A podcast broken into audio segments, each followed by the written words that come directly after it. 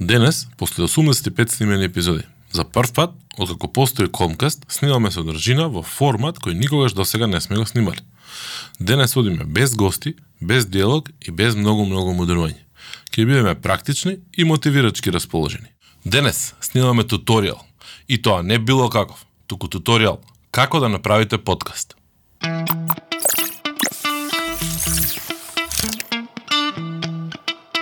Денешниот туторијал ќе биде поделен во три дела. Ќе зборуваме за тоа како да го испланирате подкастот, да одберете теми, формат и должина, ќе зборуваме за тоа како да го снимите подкастот и како да го едитирате аудиозаписот и нормално како да го објавите и како да го дистрибуирате на различните канали. А, едно мал, еден мал дисклеймер, да го наречам така на почеток. Значи, нема во оваа ситуација да зборуваме за напредни работи и нема да зборуваме за видео. Ако не згора на самото аудио додадеме видео, се комплицира животот прилично многу. Па ајде од почеток. Зашто ќе зборувате во вашиот подкаст? Една од клучните работи е всушност пред да започнете или да донесете одлука да снимате подкаст е да одлучите за што тоа вие ќе зборувате. Која е темата на која што ќе зборувате? Дали сте компетентни? Дали ќе викате гости?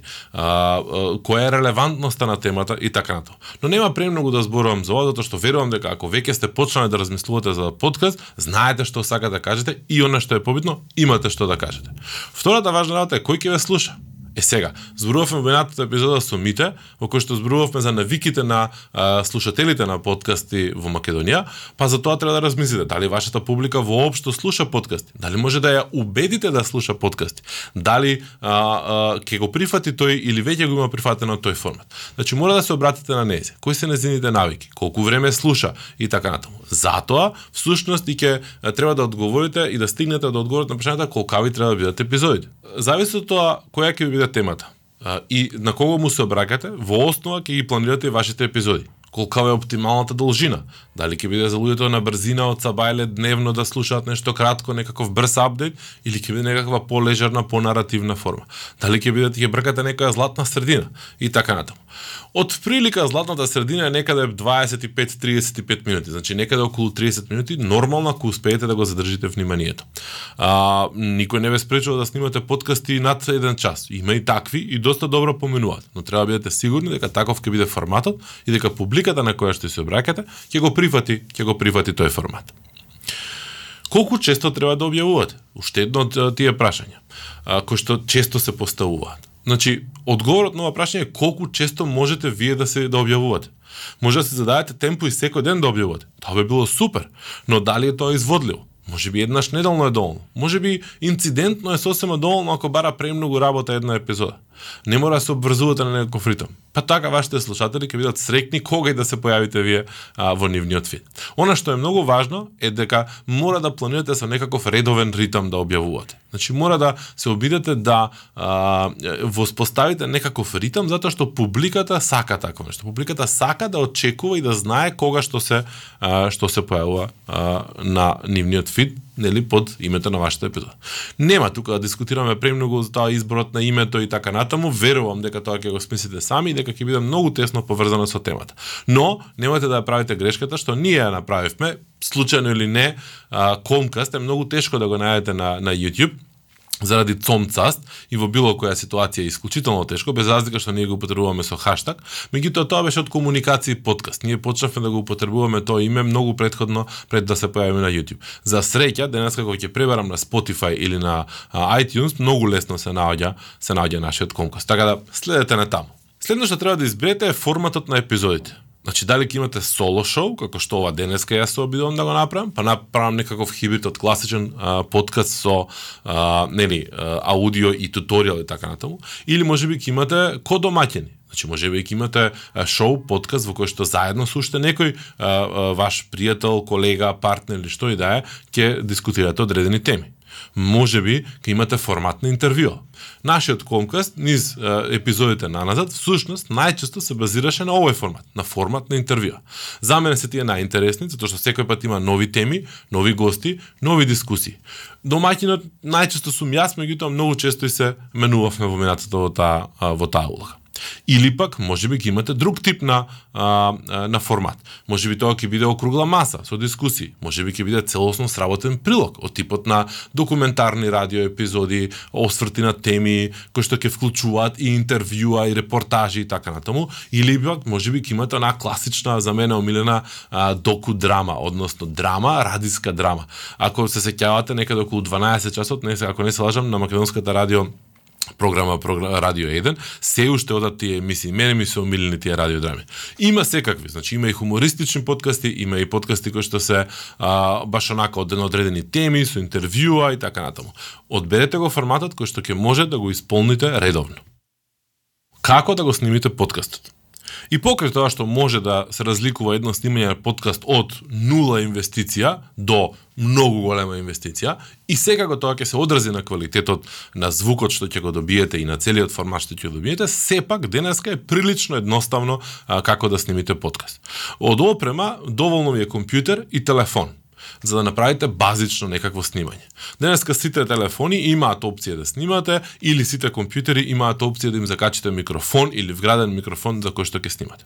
Она што е важно тука е да сватите дека со мала инвестиција може да направите сериозно голема промена. Па така еден микрофон, без разлика дали е тој лавалир бубица малечка, ние го препорачуваме Роде лавалир микрофонот плюс, линкови ќе има во описот, или пак тоа е некој од овие така наречените влогерски микрофони кои што се со USB и звучна картица и се вклучува директно на компјутерот и може веднаш да да снимаат, тој се нешто стојат на мал сталак пред тебе во форма на такво како како некое бомбонче.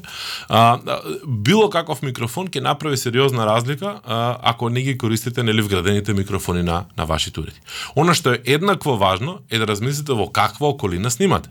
Значи, дали имате добро изолирана просторија, дали имате галама која што доаѓа од надвор, дали имате преголемо ехо и така натаму. Врз основа тоа каде и како ќе снимате, зависи и каква опрема а, треба да употребувате. Во основа, а, некаков идеален сетап е нешто што може би овде може да го видите. Значи, ние имаме а, кондензаторски микрофон, имаме а, компјутер во кој што се снима тоа и звучна картица која што всушност го пренесува а, пренесува звукот во а, во компјутер. Но верувајте ми, и бубица роде или било која друга брка совршено добро добра работа.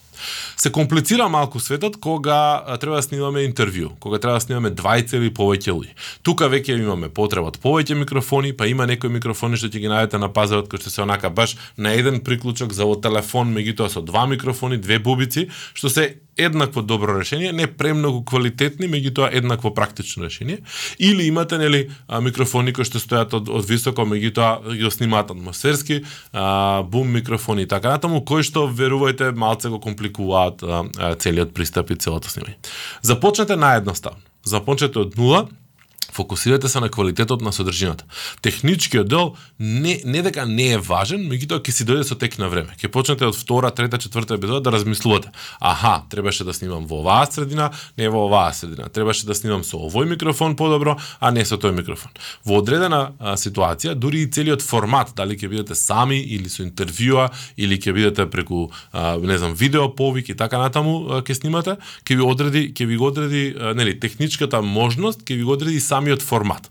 Тргнете од наједноставните, па градете понатаму. Оправдате се вашата инвестиција.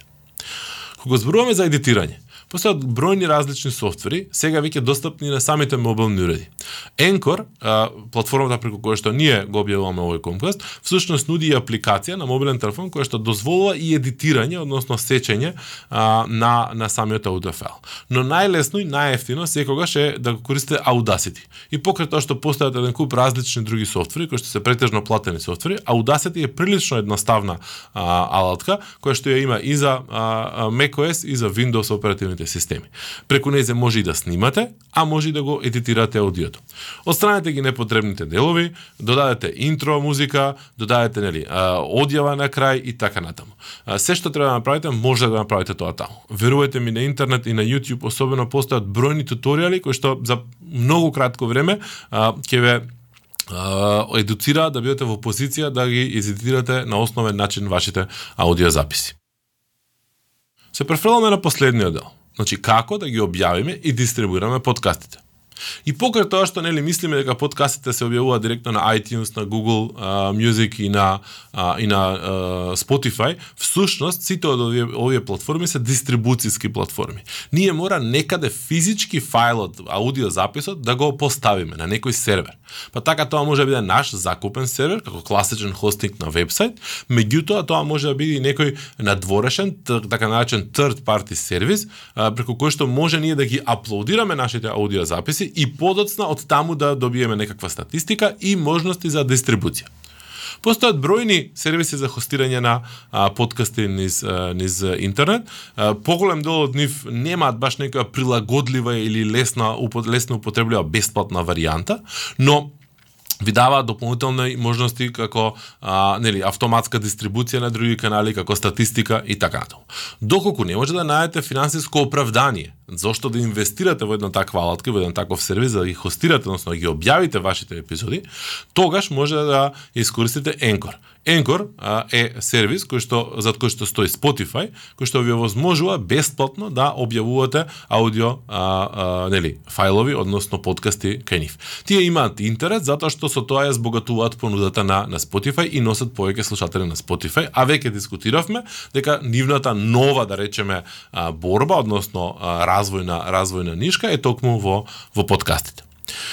Е сега, од кога ќе го објавите? Иако до скоро, да речеме, Комкаст одеше објавен на комуникација.нет. Фајловите беа хостирани на хостингот каде што стои комуникација.нет. И од таму, преку плагин за WordPress, подпрес се вика тој, беше дистрибуиран на другите канали. Од неодобна, од кога почнавме со оваа нова сезона, се решивме да го употребуваме Anchor за оваа цел и сега поголемиот дел од епизодите, последните 10, сега веќе 12, со се оваа 13, всушност одат преку тој преку таа платформа. Затоа што таа ни дава подобра статистика и ни овозможува полесна дистрибуција дистрибуција на повеќе канали. Откако ќе го имате вие фидот, односно кога ќе го имате подкастот некаде ставено на интернет. Ако е тоа преку WordPress блог, тогаш е преку некаков плагин. Ако е тоа преку трет надворешен сервис, тогаш е преку самиот сервис или преку Anchor. Добивате опција или преку самиот сервис или а, мануелно да ги пријав, да го пријавите вашиот подкаст на iTunes, на Google Play а, и на а, нормално Spotify и ред други. Значи ги зимате или наменските креирани линкови или така наречени feed линковите и рачно еден по еден ги пријавувате. На почетокот може да потраи тоа пријавување неколку дена и неколку недели додека новиот сервис го прифати нели вашиот нов подкаст. Меѓутоа кога еднаш веќе ќе биде таму а, објавен и прифатен, а, вие можете без никаков проблем да бидете релаксирани. Тоа значи дека секоја следна епизода, кога ќе објавите онаму каде што ги објавувате подкастите, дали е тоа Anchor или е тоа некој third party сервис или вашиот блог, рачунате дека автоматски подкастот ќе се појави во фидот, односно на платформата на која што вашите слушатели сакаат да ве слушаат. Темава е премногу детална, темава е премногу обемна.